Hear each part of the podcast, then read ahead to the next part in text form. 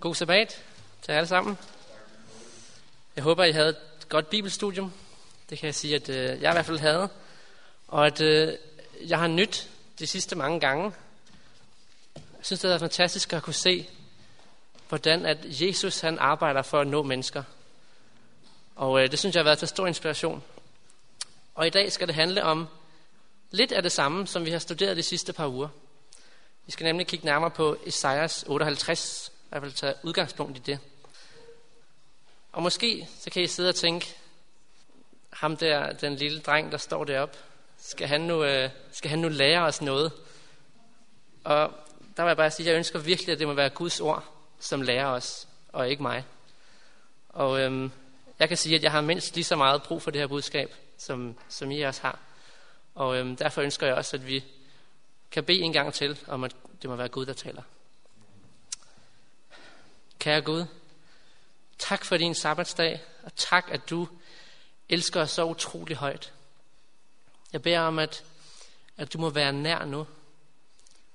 Du må være til stede, så at den onde ikke kan være her. Gud, jeg beder om, at du må tale gennem mig.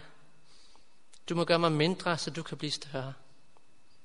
Og far, jeg beder om, at du må røre ved os med din helligånd, så vi kan forstå det her. Det beder jeg om i Jesu navn. Amen. Som sagt, så skal vi tage udgangspunkt i Esajas 58.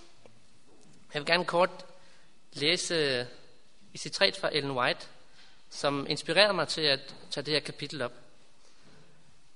Og øhm, det er fra I Mesterens Tjeneste, side 168, der skriver Guds profet til os. Jeg kan ikke stærkt nok opfordre alle menighedsmedlemmer alle, som er sande missionærer, alle, som tror på den tredje engels budskab, enhver, som varer sin fod på sabbaten, til at betragte budskabet i det 58. kapitel hos Esajas.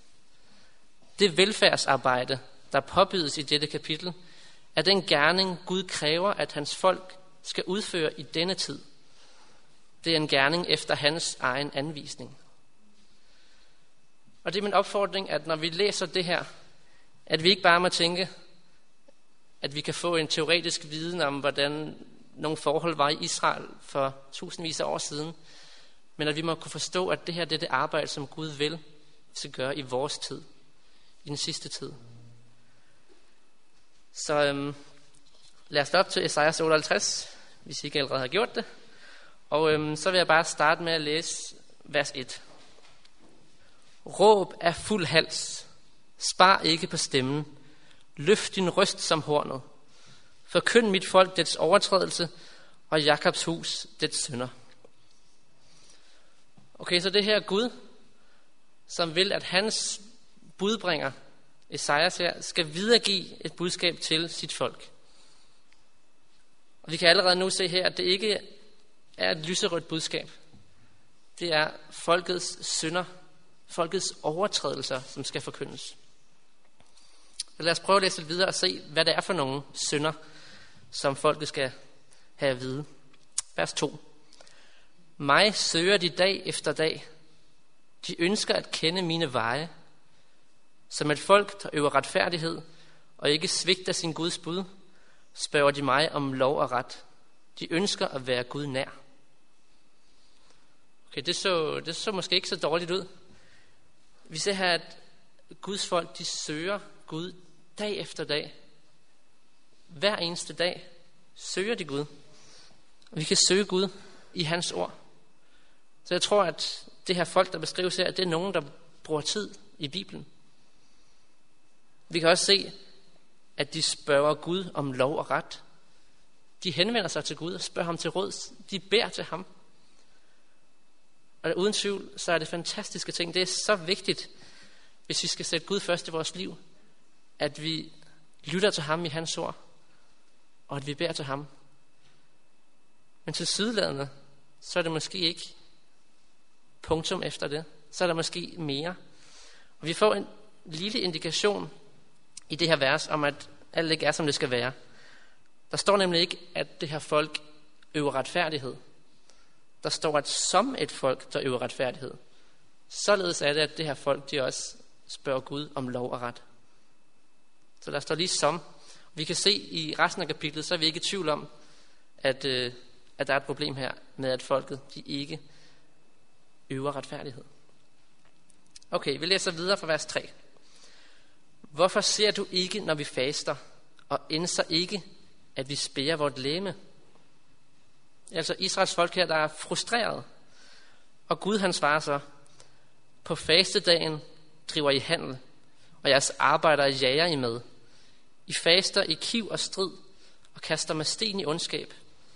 Når I faster, som I nu gør, bliver jeres bøn ikke hørt i himlen. Okay, så her har vi altså et problem.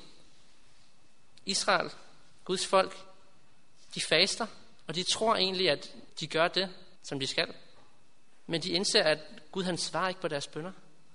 Der er noget galt. Men så er det, at Gud, han viser, hvad der er galt.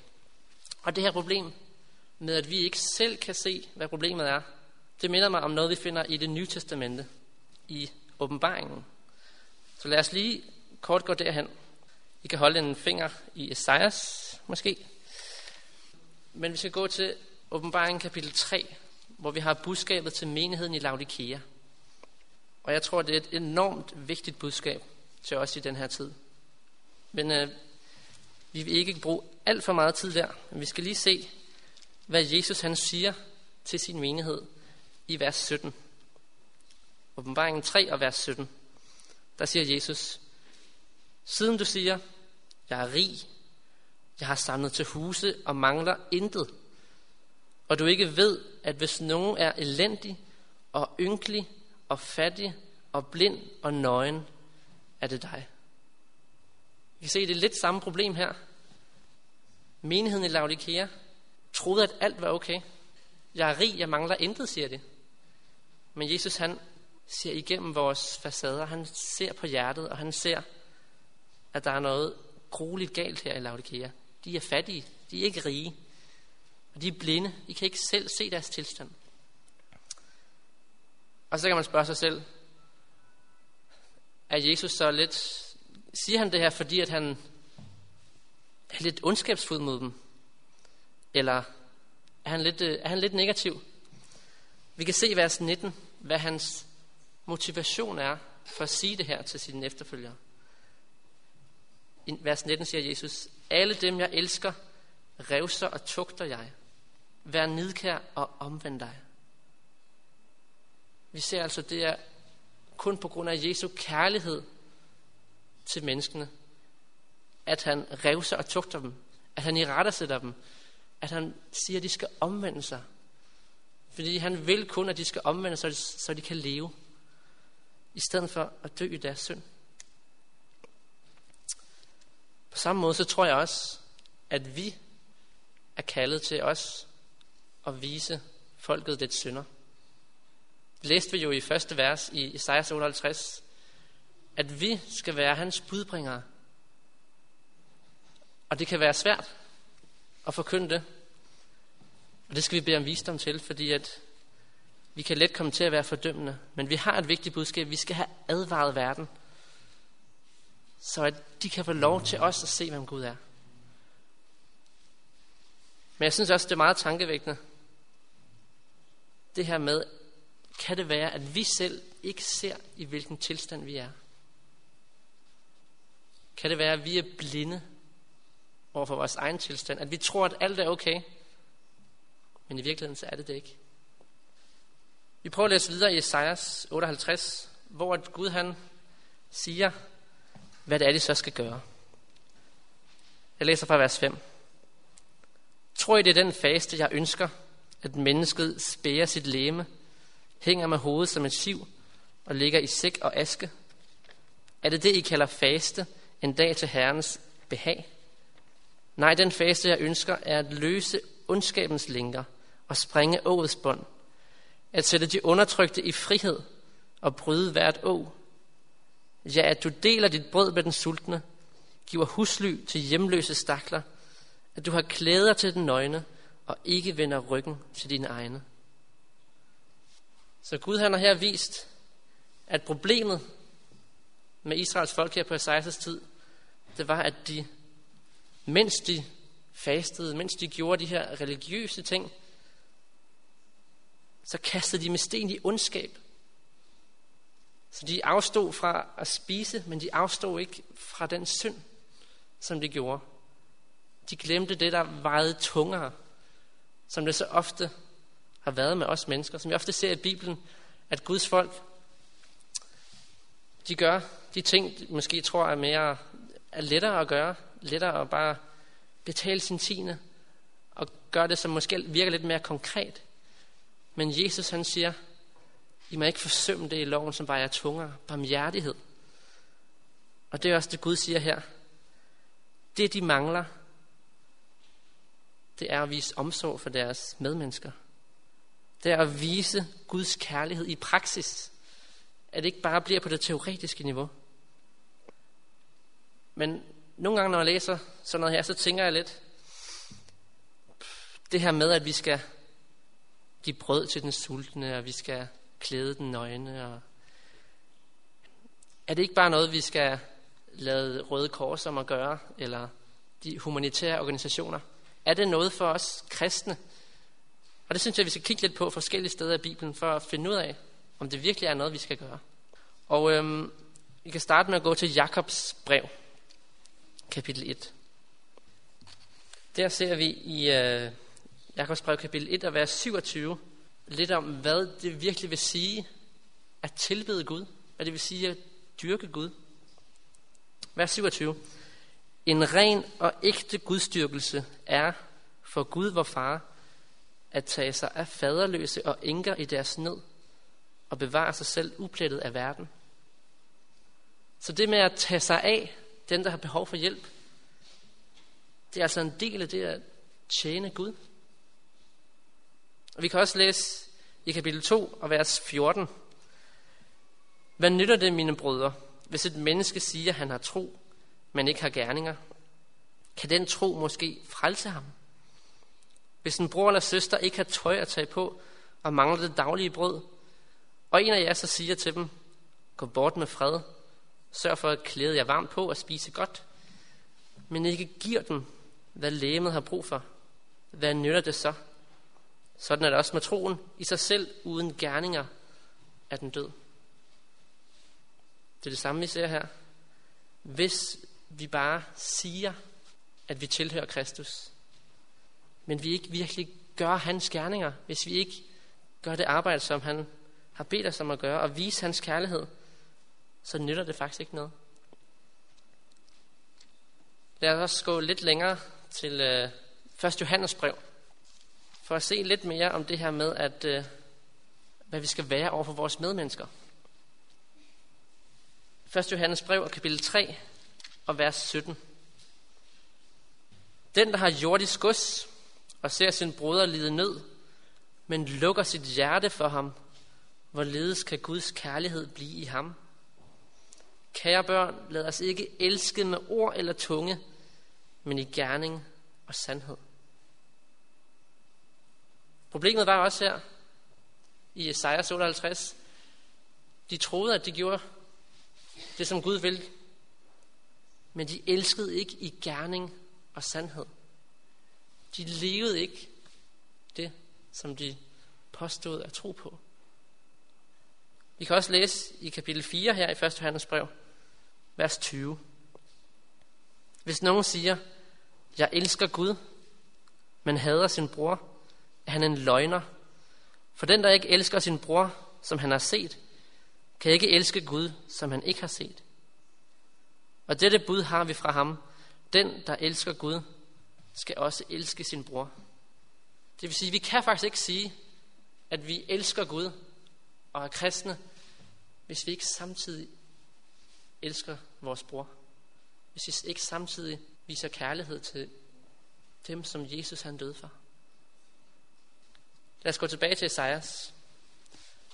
Og øhm, jo, vi kan læse noget i første kapitel i Esajas, hvor vi kan se lidt af det samme problem, som vi ser i kapitel 58. Esajas kapitel 1, og øhm, så læser jeg fra vers 13. Og Gud han siger her til sit folk, Bring ikke flere tomme afgrødeofre. Røgelsesoffer vemmes jeg ved. Nymånedag og sabbat, festforsamling. Jeg kan ikke udholde festdag og ondskab. Jeg hader jeres nymånedag og fester. De er blevet en byrde, jeg ikke kan bære. Når jeg rækker hænderne frem imod mig, lukker jeg øjnene. Hvor meget I end beder, hører jeg det ikke. Jeres hænder er fulde af blod. Okay, så Guds folk, de gør en masse ting her. De offrer, og de holder, de fester. Men er det ikke det, Gud har sagt, de skal gøre? Gud har sagt, at de skulle ofre, og de skulle holde de her fester. Men alligevel, så tager Gud ikke imod det her. Og vi læser videre for at se, hvad problemet er. Vers 16. Vask jer, rens jer, fjern jeres onde gerninger fra mine øjne. Hold op med at handle ondt, lær at handle godt. Stræb efter ret, hjælp den undertrykte, skaff den faderløse ret, før enkens sag. Det er det samme, som vi læste i Isaiah 58.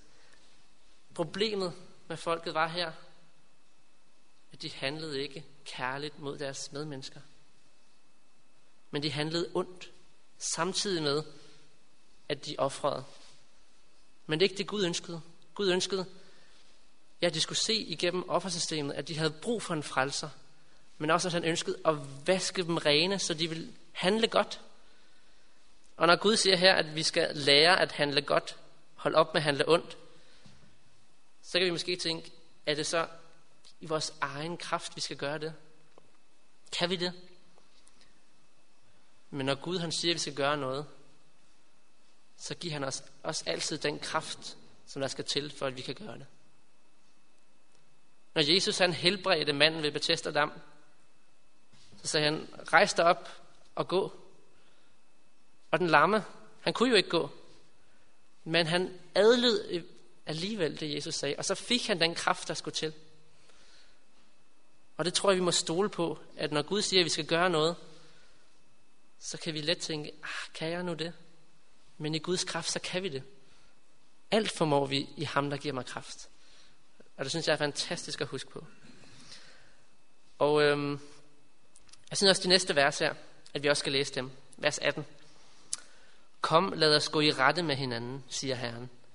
Er jeres synder som skarlagen? Kan de blive hvide som sne? Er de røde som purpur? Kan de blive som uld? Hvis I er villige og lydige, skal I fortære landets goder. Men hvis I er modvillige og genstridige, skal I fortæres af sværet. Herren selv har talt. Så Gud han har lige revset sit folk og sagt, at de synder. Men det fantastiske med Gud er, det er, at når han i rette sætter os, så har han altid en løsning også bagefter. Når Jesus siger noget til Laodikea, så siger han også bagefter, omvend jer og luk op, når jeg banker på. Han har altid en løsning. Og her kan vi se, at vores synder kan blive slettet ud. Men det er, hvis vi er villige og lydige. Hvis vi er modvillige og genstridige, så kan han ikke slette vores synd. Så selvom det er Gud, der har kraften, og Gud, der skal gøre det for os, så har vi et valg om, om vi vil samarbejde med ham eller ej. Om vi vil være villige og lydige, eller modvillige og genstridige. Vi læser videre i Isaias 58, fordi at her kommer nogle, nogle løfter fra Gud om, hvad der vil ske, hvis vi er villige til at gøre hans arbejde. Fra vers 8. Der skal dit lys bryde frem som morgenrøden, og dit sår skal hurtigt læse. Din retfærdighed går i spidsen for dig, og Herrens herlighed er bag dig. Der kalder du, og Herren vil svare. Der råber du om hjælp, og han siger, her er jeg. Så vi ser her, at der skal vores lys bryde frem, hvis vi gør det, der står ovenover. Det vil sige, Jesus siger til os, at vi skal være verdens lys. Og her kan vi se, hvordan vi skal være det. Ved at vi deler vores brød med den sultne, klæder til den nøgne, giver huslø til hjemløse stakler, så skal vores lys bryde frem. Og vi skal også være jordens salt. Men hvis, en, hvis salt skal have effekt på noget mad, så hjælper det ikke ret meget, hvis at maden er her, og så salten der er ved siden af. Uanset om det er for at konservere eller for at give smag, så må salten i nær kontakt med det, som det skal influere.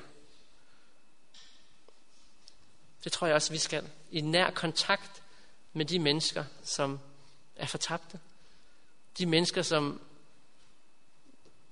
ikke har valgt Kristus. Måske fordi de ikke har haft chancerne.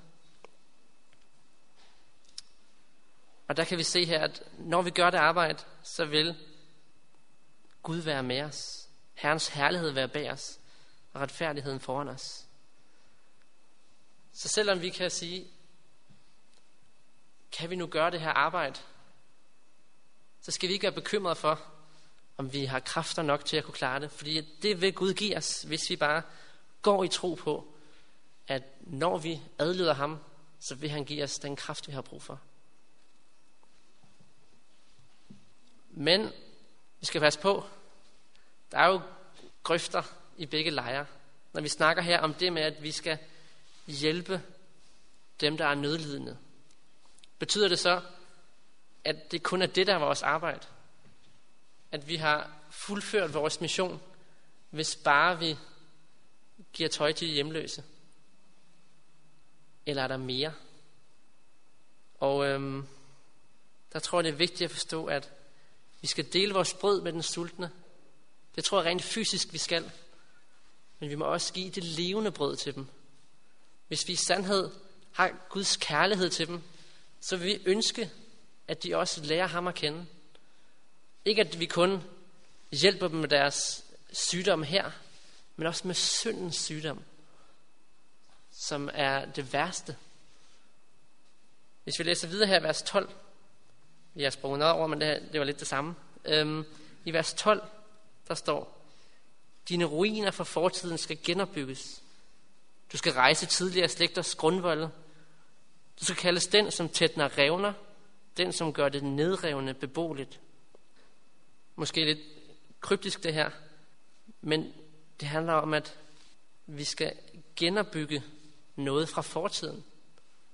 Vi skal rejse nogle grundvolde fra fortiden. Og her tror jeg, der bliver beskrevet et budskab om, at vi skal reformeres, og vi skal tilbage til det, som Israels folk her havde fået tabt. Den levende dyrkelse af Gud. Men vi ser også i næste vers, der bliver skrevet om sabbaten. Hvis vi tænker på i dag, noget som skal genopbygges fra gamle dage, som folk ikke holder, som vi ser det i Bibelen, og så bliver der skrevet om sabbaten her. Jeg tror, vi har et utroligt vigtigt arbejde i dag i forhold til sabbaten, når vi ser i den sidste tid, i åbenbaringen, hvordan at sabbaten vil være en meget vigtig faktor. At det vil, det, det vil være det store stridsspørgsmål. Så må vi genopbygge det, som er gået tabt igennem, igennem tiden. Igennem tiden, hvor at pavekirken har trådt sabbaten under fod. Så må vi genopbygge det og forkynde sandheden om sabbaten. Og derfor tror jeg, det er vigtigt, når vi læser Esajas 58, vi kan ikke sige, at vi kun skal hjælpe folk med deres fysiske behov. Men heller ikke, at vi kun skal forkynde. Det hænger sammen. Ligesom Jesus gjorde her på jorden. Han både helbredte deres lidelser og forkyndte evangeliet. Det hænger sammen. Kristi metode, som vi har læst om i sabbatskolen, var, at han var sammen med mennesker. Han opfyldte deres behov, og så vandt han deres tillid og bad dem om at følge ham. På samme måde tror jeg, vi skal. Vi må ikke lade være med at gøre det her arbejde med at hjælpe mennesker med deres behov. Som vi måske nogle gange har gjort. I hvert fald kan jeg personligt sige det. Fordi jeg tror ikke, at det kun er menigheden som sådan, som skal gøre det arbejde med at hjælpe de nødlidende. Det er også personligt. Vi må tænke over, om vi er villige til at hjælpe mennesker. Men så kan vi også spørge os selv, okay, vi skal hjælpe de her mennesker, men kan man også have selviske motiver for at hjælpe de fattige? Lad os prøve at gå til Johannes kapitel 12, hvor at, øhm, vi har beretning om, hvordan at Maria salver Jesu fødder. Og der læser vi fra vers 4. Judas Iskariot, en af Jesu disciple, han som skulle forråde ham, sagde da, hvorfor er den olie ikke blevet solgt for 300 denar og givet til de fattige? Det sagde han ikke, fordi han brød sig om de fattige, men fordi han var en tyv. Han var nemlig den, der stod for pengekassen, og han stak noget til side af det, der blev lagt i den. Her ser vi, hvordan Judas har selviske motiver, men alligevel siger, at vi skal hjælpe de fattige. Det er også en fare for os. Men vi må være ligesom Jesus. Jesus, som ynkedes over folkeskaren, og derfor hjalp dem. Men hvad så, hvis vi ikke føler den, hvis vi ikke ynkes over folkeskaren, som Jesus gjorde det? Hvad skal vi så gøre? Lad os kigge lidt nærmere på det. Hvordan at vi kan få Guds kærlighed til folk. For det er det, der er centralt. At vi bliver fyldt med hans kærlighed, så at vi bobler over og har lyst til at hjælpe folk med det. Det er det, der er nøglen. Lad os prøve at gå til Romerne kapitel 5. Romerne kapitel 5. For ja, vi kan godt hjælpe de fattige med et selvisk motiv. Men mange gange så er det måske også på grund af vores selviskhed, at vi ikke hjælper dem. At vi tænker, behøver vi egentlig det? Jeg vil hellere sørge for mig selv. Men jeg synes, vi skal læse nogle vers, som måske er noget, der kan rokke lidt ved vores selviskhed, forhåbentlig. Og det er Romerne 5 og også vers 5. Og det håb går ikke til skamme, for Guds kærlighed er udgydt i vores hjerter ved Helligånden, som er givet os. For mens vi endnu var svage, døde Kristus for ugudelige, da tiden var inde. Der er næppe nogen, som vil gå i døden for en retfærdig.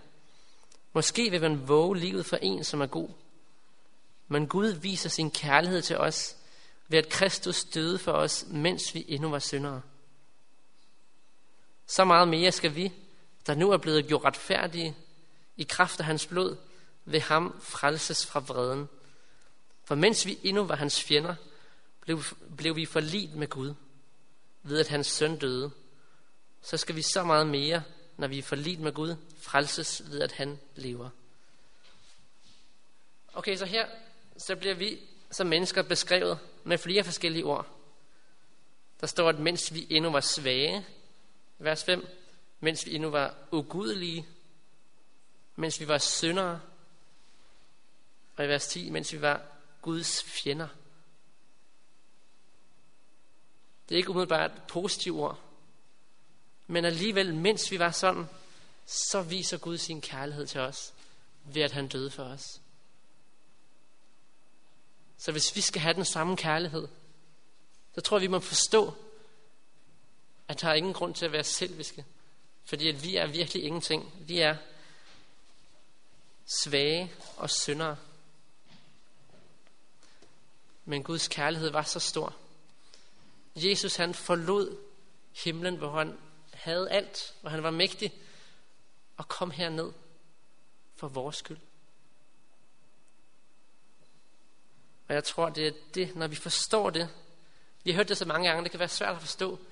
Men når vi forstår det, så vil vi have Guds kærlighed til andre mennesker. Og jeg tror også, der er en nøgle det, vi læser i vers 5. Der står, at Guds kærlighed er udgydt i vores hjerter ved Helligånden. Jeg tror, det vil være Helligånden, der rører ved os, så at vi virkelig forstår, hvilken kærlighed det var. For det kan vi ikke uden Helligåndens hjælp. Åndens frugt er kærlighed, som vi læser. Så vi kan ikke vise kærlighed til mennesker, hvis ikke at vi har Helligånden. Så jeg tror, at vi må på knæ og bede for, at vi må få Helligånden, så at vi kan være lys i verden, så at vi kan blive mere som Jesus. Og jeg tror, når vi forstår det her med, at Jesus har gjort så meget for os, så vil vi også ønske at gøre noget for ham. Men spørgsmålet er så, hvordan kan vi gøre noget for ham, når han er i himlen? Selvfølgelig flere måder. Men det vi læser i Matthæus 25, de kendte vers, hvor Jesus siger, alt det I gjorde mod disse mine mindste brødre, de har jeg gjort mod mig. Synes jeg er meget tankevækkende. Hvis vi vil gøre noget for Jesus, så må vi gøre noget for de mennesker, som han kom for at frelse. Og det er det spørgsmål, som bliver stillet ved dommens dag. Det er det, vi ser i Matthæus 25. Hvad har vi været for disse mine mindste brødre? Har vi vist Guds kærlighed i praksis? Eller har det bare været tør teori for os? Har vi kun fokuseret på at holde de religiøse former og puste tøjet og se godt ud? Eller har vi haft Guds kærlighed til mennesket? Ligesom med den gode samaritaner. Der var præsten og levitten. De kom fra templet for at tilbede Gud. Men hvem var der egentlig, der tilbad Gud i den beretning? Det var samaritaneren, som viste i praksis. For hvis at vores tro ikke kommer til udtryk i vores liv, hvad nytter det så? Så jeg tror, at vi må rense os selv og tænke, viser vi virkelig Guds kærlighed i vores liv? Og vi må bede om, at vi kan få helgerne, så vi kan gøre det. Og jeg vil afslutte med at læse nogle vers fra Filipperbrevet, kapitel 2. Der læser vi fra vers 3. Gør intet af selviskhed, og heller ikke af indbilskhed, men sæt i ydmyghed de andre højere end jer selv. Der kan vi se, at vi må ikke gøre noget af selviskhed. Jeg tror, at et stort problem for os er, at vi er selviske. Sådan er det i hvert fald med mig. Og det er vi også af natur. Hvis ikke, at vi lader Gud virke i vores liv. Vi læser videre her i vers 4. Tænk ikke hver især på jeres eget, men tænk alle også på de andres vel. I skal have det sind over for hinanden, som var i Kristus Jesus. Han, som havde Guds skikkelse, regnede det ikke for et rov at være lige med Gud, men gav afkald på det, tog en tjener skikkelse på og blev mennesker lig. Og da han var trådt frem som et menneske, ydmygede han sig og blev lydig indtil døden, ja døden på et kors. Når vi læser her om Jesu kærlighed til os og hans ydmyghed, så må det også gøre os ydmyge. Så vi har set, der er en vigtig gerning for os, en velfærdsgerning i at vise Guds kærlighed til folk. Og jeg synes, vi skal slutte af med at læse mit yndlingsvers i Hebræerne 13. Fordi det er vigtigt at forstå det her, at det er ikke i vores egen kraft, vi skal gøre det her. Fordi så bliver det af selviskhed. Så bliver det, at vi skal prøve at fortjene os til frelsen. Men det er ikke det, det handler om. Det handler om, at vi må, er villige og lydige til at lade Gud virke i os. Så at vi kan vise hans kærlighed, så at mennesker kan blive oplyst om Jesus, så Jesus kan komme igen. For det er det, vi venter på. At vi som hans folk gør hans arbejde, så at vi virkelig kan vise hans kærlighed. Hvis ikke, at vi som hans folk kan gøre det, så kommer han ikke igen. Eller, skal forstås rigtigt. Det handler ikke, selvom vi ikke gør den her opgave, så vil Jesus komme igen, men det vil gå ud over os så. Vi har en vigtig opgave som Guds folk, at afslutte værket, så at alle kan få muligheden for at tage imod frelsen. Men lad os læse her i Hebræerne 13, 20. Må det fredens Gud, der førte fornes store hyrde, hvor Herre Jesus, op fra de døde med en evig paks blod, sætte jer i stand til alt godt, så I gør hans vilje, i det han selv udvirker i os, hvad der er ham velbehageligt ved Jesus Kristus. Ham tilhører æren i evighedernes evigheder. Amen. Det er Gud, der må sætte os i stand til at gøre alt godt. For det kan vi ikke selv. Og det er min opfordring, at vi oprigtigt må søge Gud og lade ham virke i os, hvad der er ham vil behageligt. Skal vi afslutte med at bede sammen. Kære Gud, det er svært at forstå din enorme kærlighed til os. Vi kan heller ikke helt forstå den her. Men jeg beder om, at du må gøre os ydmyge. At du må fjerne selvviskheden fra os. Du må fjerne al den synd i os, som holder os fra at gøre dit arbejde. Gud, må du give os visdom. Må du fylde os med din kærlighed, så at vi kan nå ud til mennesker med det gode budskab. At vi både må hjælpe med deres fysiske skavanker, men endnu vigtigere med de åndelige, og lede dem til dig. Jeg beder om, at du må hjælpe os i det her arbejde her. I Jesu navn. Amen.